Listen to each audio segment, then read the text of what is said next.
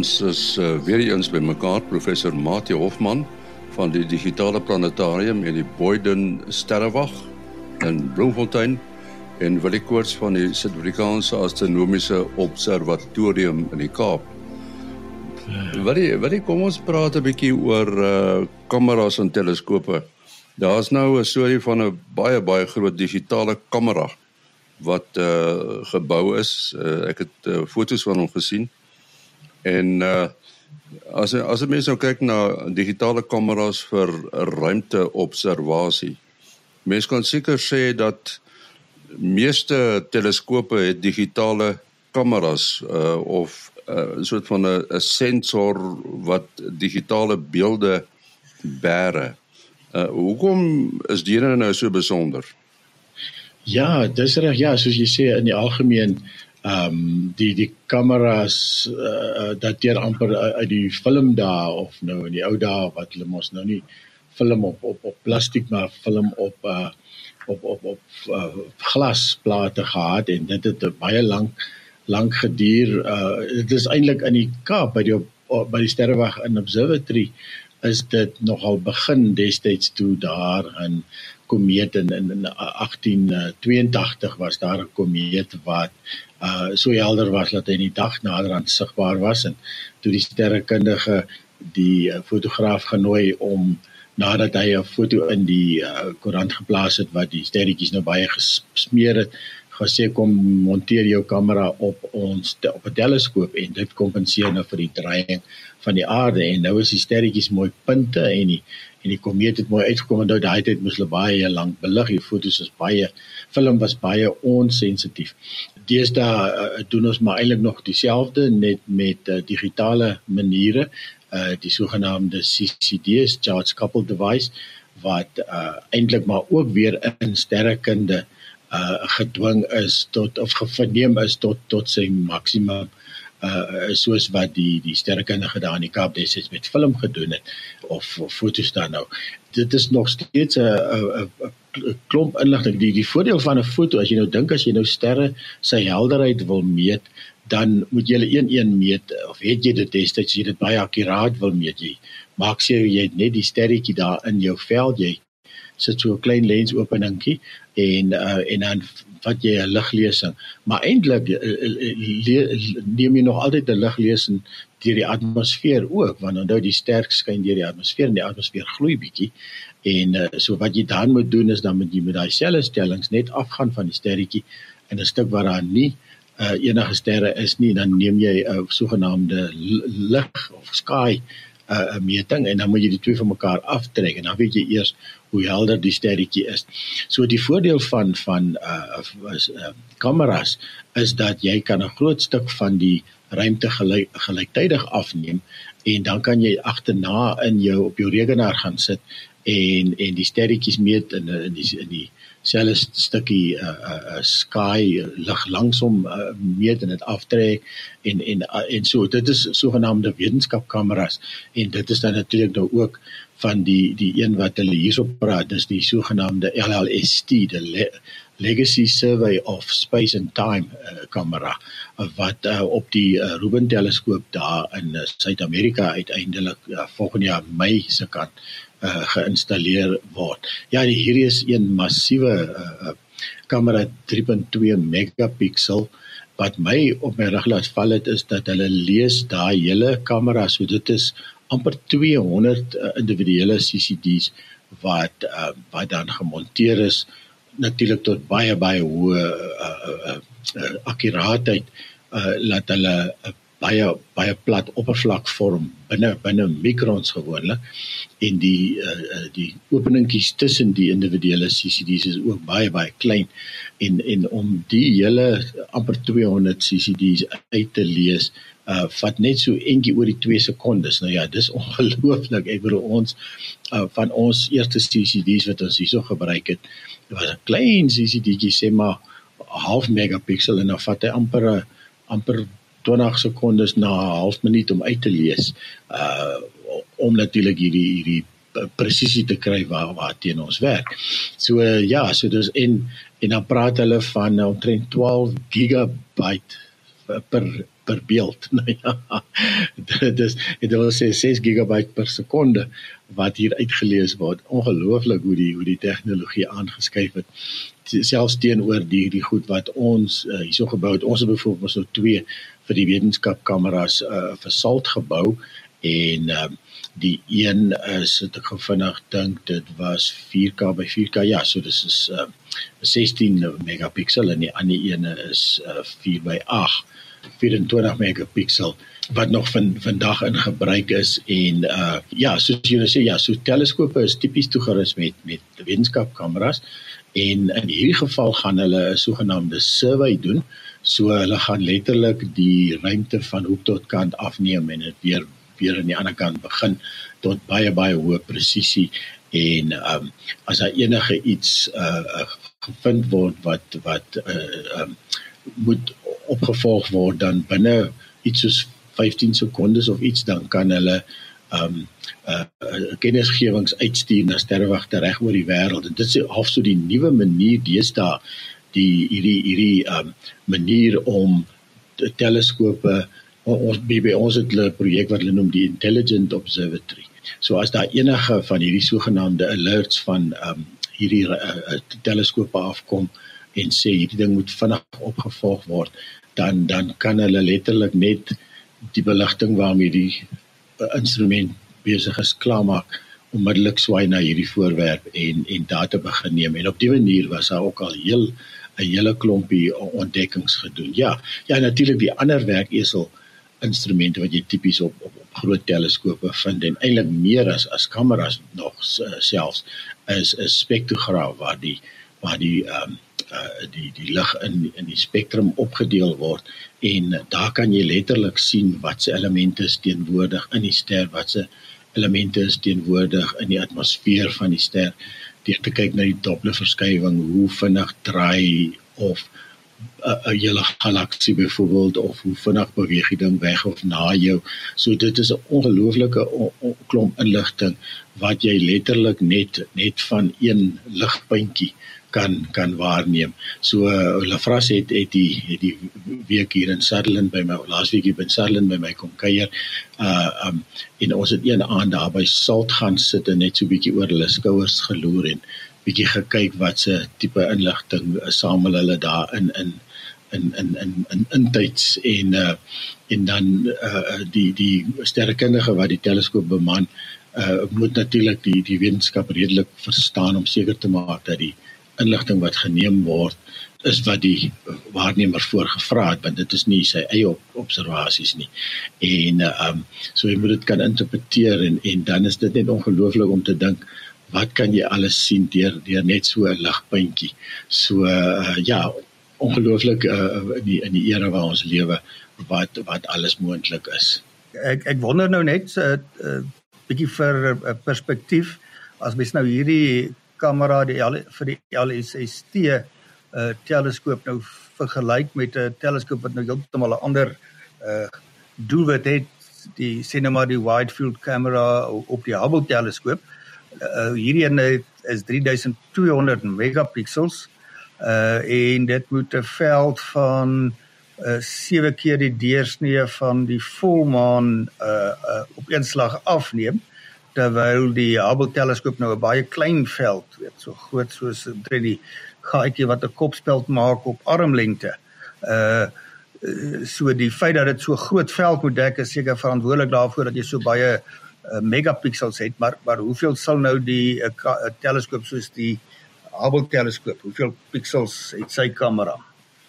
Ja, ja, jy vra my eintlik vas uh um die die ja, ek ben die ek meen die Hubble se teleskop kameras is 25 jaar oud, nee, nee, seker nog ouer, nê. Nee. Alles daarom op opgegradeer met die met die laaste sende. Maar jy's reg, die die die megapixels is is natuurlik eintlik iets wat die publiek aangryp, so dis tipies die die getalle wat mense wil wil wil kwoteer as hulle nou sê hoe goed hulle kamera is, maar selfs fotograwe sal weet uh megapixels is nie anders is nie alles nie. Um en dit hang af van die, die wat die optika wat voor wat voor dit sit. En dis natuurlik nou waar jy die verskil kry hierso.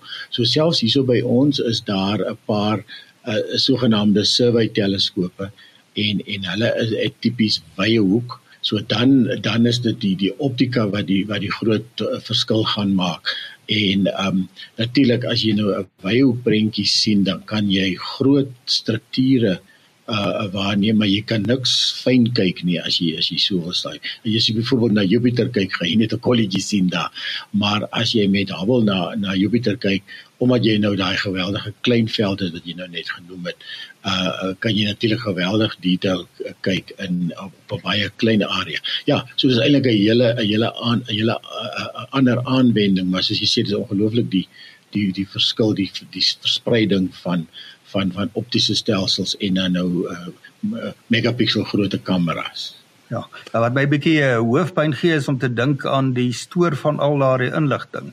Yes. Uh, as hulle nou elke uh, paar keer in 'n minuut 'n foto uh, met soveel megapixels uh, moet stoor en hulle doen dit aand na aand, jaar na jaar uh weet hoe hulle van alles met alles gaan tred hou. Ek dink ons gaan net 'n geweldige klomp werk vir ons nageslag los. Dis van ouer. Ja, wat weet jy dis dis interessant nou van jy dit noem die die as jy nou dink aan die ontwikkeling van tele, net net net een van die koste van 'n teleskoop. Nou 100 jaar terug was die duurste item uh die teleskoop. En en dan jy nou net vir hom 'n gebouetjie gebou wat nie so baie gekos het nie en en en dan het jy nou begin fotos neem of wat of wat en en dan selfs jou loopkoste was dan nie so hoog nie want jy moet maar net fotografiese plate koop. En en en later het dit geword dat die die die fasiliteit, die gebou waar in die uh, teleskoop sit, het het begin in in vergelyking met die teleskoop self begin te uh, amper gelyk begin raak. Jy moet nou allerhande uh, materiaal tref dat die uh, gebou nie die die die die uh, uh, um, ons praat van seeing weer eens in in sterrekunde. Jy praat van uh, um, dome seeing dat die dat die dat dit nou nie die beelde affekteer nie. En en ons leef nou in 'n era wat jy nou net genoem het data. Jy as jy nou 'n teleskoop beplan dan moet jy uh, regtig sommer voor die tyd amper al be, besef hoeveel data gaan die ding genereer. Hoe gaan ons hierdie data stoor? Gaan ons alles ehm um, uh, gaan ons dit dalk vooraf verwerk en dan net die rou die rou data weggooi? Want waar stoor jy dit alles? En en jy kry natuurlik nou daai skope genereer soveel data deesdae dat daar sterrekundiges is wat in hulle hele lewe nooit hoe na 'n teleskoop toe te gaan om te gaan data neem nie. Daar is uh, soveel data beskikbaar um, want soos hierdie in hierdie geval die ding doen nou 'n survey en en en kyk na alles wat daar is soos om om te moet te moet te vang net alles op te skep en en uh, as jy dit op die strand uitsleep dan dan gaan die persoon wat in seekatte belangstel gaan al die seekatte uit die net uit daar die ou wat in haie belangstel uit die haie ensovoort. So dit is eintlik hoe dit deesdae is met sterkende ook. Ja, ons uh, het net nou verwys na Lafra Smit wat daar by Willie Koorts gekuier het op Sutherland. Uh en uh, hy is natuurlik eenmal 'n maand aan die beurt om vir ons te vertel wat daar in die volgende maand te sien gaan wees. Dit is nou in November. Lafras. Goeienaand Henny en goeienaand ook aan al ons luisteraars. Ek groet julle vanaand hier van die SAAO in Sutherland. Ek het die ongelooflike voorreg gehad om vir 'n paar dae Willie se skare weer te wees en oral saam met hom te gaan waar hy so tussen al die koepels en teleskope deurwerk. Ons het ook 'n magdom foto's snags geneem al was die weer nie altyd baie gunstig nie, wat ek wel ook so oor die loop van 'n week of 2 met ons lede op die Sterre en Planete Facebook groep sal deel. Goed, as ons na November se hoogtepunte kyk, is daar 'n paar goedjies om na uit te sien. As ons met die planete begin, vroeg aand as dit selfs nog nie eens behoorlik donker is nie, sal mens vir Jupiter al hoog in die ooste gesien kry. Die planeet is baie helder en sal nie sommer met iets verwar kan word nie. Later as dit lekker donker is, sal Saturnus al redelik hoog in die weste gesien kan word. Die Skorpioen sal al laag in die weste hang en die suidekruis sal of al onder wees vir die mense in die noorde van die land of andersins baie laag op die suidwestelike horison. Die groot en klein Magellaanse wolke sal hoog in die suide ook gesien kan word vanaf 'n lekker donker plek. Kyk jy noord, soek dan net 4 sterre wat 'n groot vierkant maak. Dit maak deel uit van die Pegasus konstellasie. Dit is ook nie te ver van waar Jupiter tans in die naghemel is nie. Hop dan net na die onderste regterkantste ster van die groot vierkant en dan nog 'n entjie af na die horison toe en jy sal by die Andromeda sterrestelsel uitkom wat mens redelik maklik met die blote oog vanuit 'n donker plek gesien sal kan kry. Later die aand, soos die skerpioen in die weste sak, sal Orion in die ooste begin opkom, ons bekende ou somerkonstellasie. So teen 10 uur sal Mars al mooi gesien kan word, helder en laag in die ooste. Ek en Willie het juis in die week so na die planeet gestaan en kyk, want tans maak dit nogal 'n mooi driehoek met Aldebaran van die Bulkonstellasie en Betelgeuse van die Orion konstellasie. En al drie is lekker rooi gekleurd. So net om mooi duidelik te stel, as jy so teen 10uur in 'n oostelike rigting kyk, sal die drie rooi sterre 'n mooi driehoek in die naghemel maak. Heel bo en links sal dit Aldebaran wees regs daarvan Betelgeuse en heel onder dan vir Mars. Mars is nog steeds besig om helderder te word soos dit nader aan die aarde kom. Dit sal in Desember sy naaste punt aan die aarde bereik. Venus en Mercurius is nog steeds in die son se gloed. Dit begin daarom so teen die einde van die maand stadig uit die gloed uit te beweeg en sal maar nog redelik moeilik laag in die weste net na sononder gesien kan word. Venus sal dan weer vir die volgende paar maande die aandster wees. As ons na datums kyk, die 2de is die maan naby Saturnus, die 5de naby Jupiter, die 8ste is dit volmaan en op die 9de is die maan naby die Pleiades en die 11de naby Mars. Daar is ook 'n paar sterre reëns tydens November, maar ook ongelukkig word dit nie as baie gunstig voorspel nie en nie juis baie meteore wat gesien sal kan word nie omdat dit saam met 'n helder maan val. Nou ja, dit is dan my storie vir hierdie maand. Lekker opkyk almal. Dankie daarvoor. Matie ons uh, weet mos nou die baan van die maan. Die baan van die maan om die aarde is sogenaamd eksentriek. Hy is nie altyd dieselfde afstand van die aarde af nie. Maar nou is daar inligting wat daarop dui dat die maan in ieder geval besig is om weg te skuif. Hoe is dit moontlik? Uh, en ja, hulle het uh, tydens die Apollo sendings in 1969 toe hulle nou op die maan geland het, uh, het hulle daar uh, weer kaatsers gesit wat lig reguit terug weer kaats uh in die rigting van waaruit dit kom. Dit is nou dan spesifiek met die oog op lasers wat van die aarde af maan toe ges, uh, uh gerig is en dan vier jy 'n puls en dan weet jy hoe lank het die puls heen en weer geneem en gegee die spoed van van lig kan jy dan baie uh, akkuraat die afstand meet na daai bepaalde punt op die maan. Uh en hulle het baie metings van daai tyd af ge, uh, gedoen. En hulle kon onder andere die gety beweging van die uh, oppervlak van die Mars uh, van die maan uh, kan hulle meet maar hulle kon die gemiddelde afstand van die maan vanaf uh, vanaf die aarde kon hulle uh akkuraat meet. En hulle het bepaal dat op die stadium uh van die sonnestelsel se geskiedenis beweeg die maan ongeveer 3.8 cm per jaar vanaf die aarde weg so amper amper 4 cm. Nou dit klink nou nie baie nie. Uh maar as jy dit nou sou terug ekstrapoleer in tyd en sê gestel dit het nou so aangegaan vir miljoene jare die verlede in terug uh, dan dui dit daarop dat uh, so onlangs met die onlangs in aanhalingstekens so onlangs as 1.5 biljoen jaar gelede sou die maan uh, teen die aarde gewees het so uh, duidelik is dit nie 'n korrekte ding om te doen nie dit uh, kon nie maar net so uh, so verloop het nie. Nou dit klink amper ek het amper net die syfer geglo nie, maar dit uh, wys maar net hoe uh, hoe lank is 1500 miljoen jaar dat uh, 4 cm 'n jaar sal maklik die afstand tussen die aarde en die maan oortref het. As ons nou sê die 1500 miljoen jaar is redelik onlangs dan is dit nou 'n vergelyking met die ouderdom van die van die maan wat ongeveer 4500 uh biljoen jaar is. So dis uh maar 'n derde van daardie ouderdom. Uh so die sterrekundiges het maar dan net uh aard van die saak gewonder maar hoe die geskiedenis van hierdie weg beweeg van die maan vanaf die aarde ge, uh, gewerk. Sê nou maar hulle gaan uh 2500 miljoen jaar terug. Hoe ver was die maan uh toe vanaf die aarde? Uh nou, ek kan nou so 'n bietjie verduidelik maar nou sommer om die die die antwoord vooruit te loop.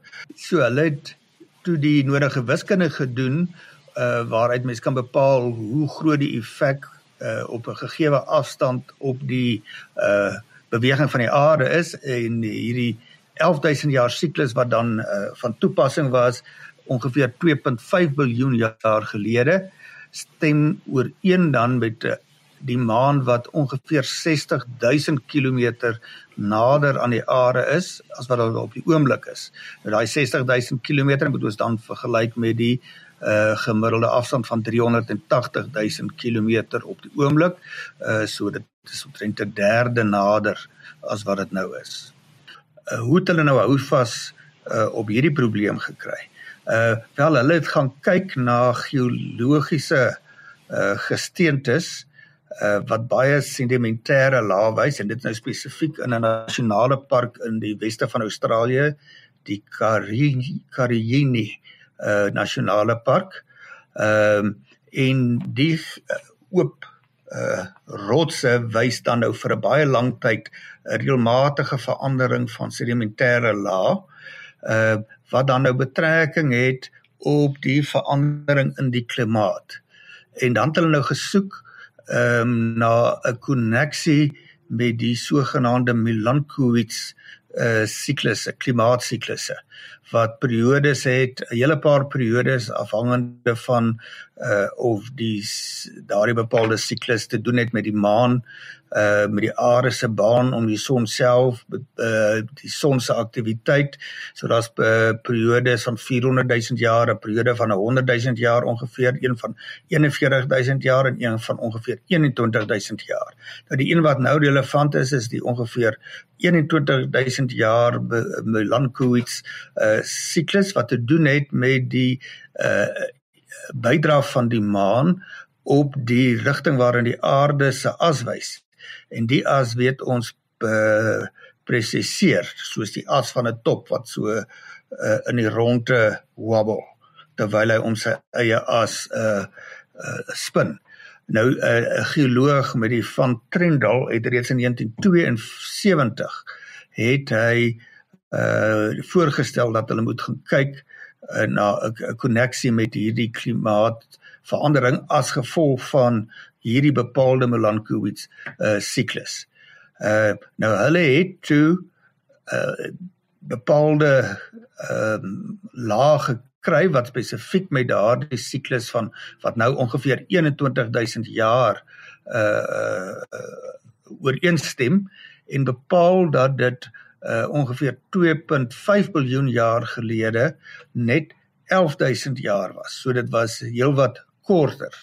So hulle het toe die nodige wiskunde gedoen uh waaruit mens kan bepaal hoe groot die effek uh op 'n gegeewe afstand op die uh beweging van die aarde is en hierdie 11000 jaar siklus wat dan uh van toepassing was ongeveer 2.5 biljoen jaar gelede stem ooreen dan met uh, die maan wat ongeveer 60000 km nader aan die aarde is as wat dit op die oomblik is. Nou daai 60000 km moet ons dan vergelyk met die uh gemiddelde afstand van 380000 km op die oomblik. Uh so dit is omtrent 'n derde nader as wat dit nou is. Ons moet uh, afsluit. Maatie terwyl jy aan die woord is, jou besonderhede. Uh selfoonnommer 0836257154. 0836257154. En dan wil ek is 0724579208. 0724579208. En ons uh, program se e-posadres sterreplanete@gmail.com. sterreplanete@gmail.com. Tot volgende week. Alles van die beste.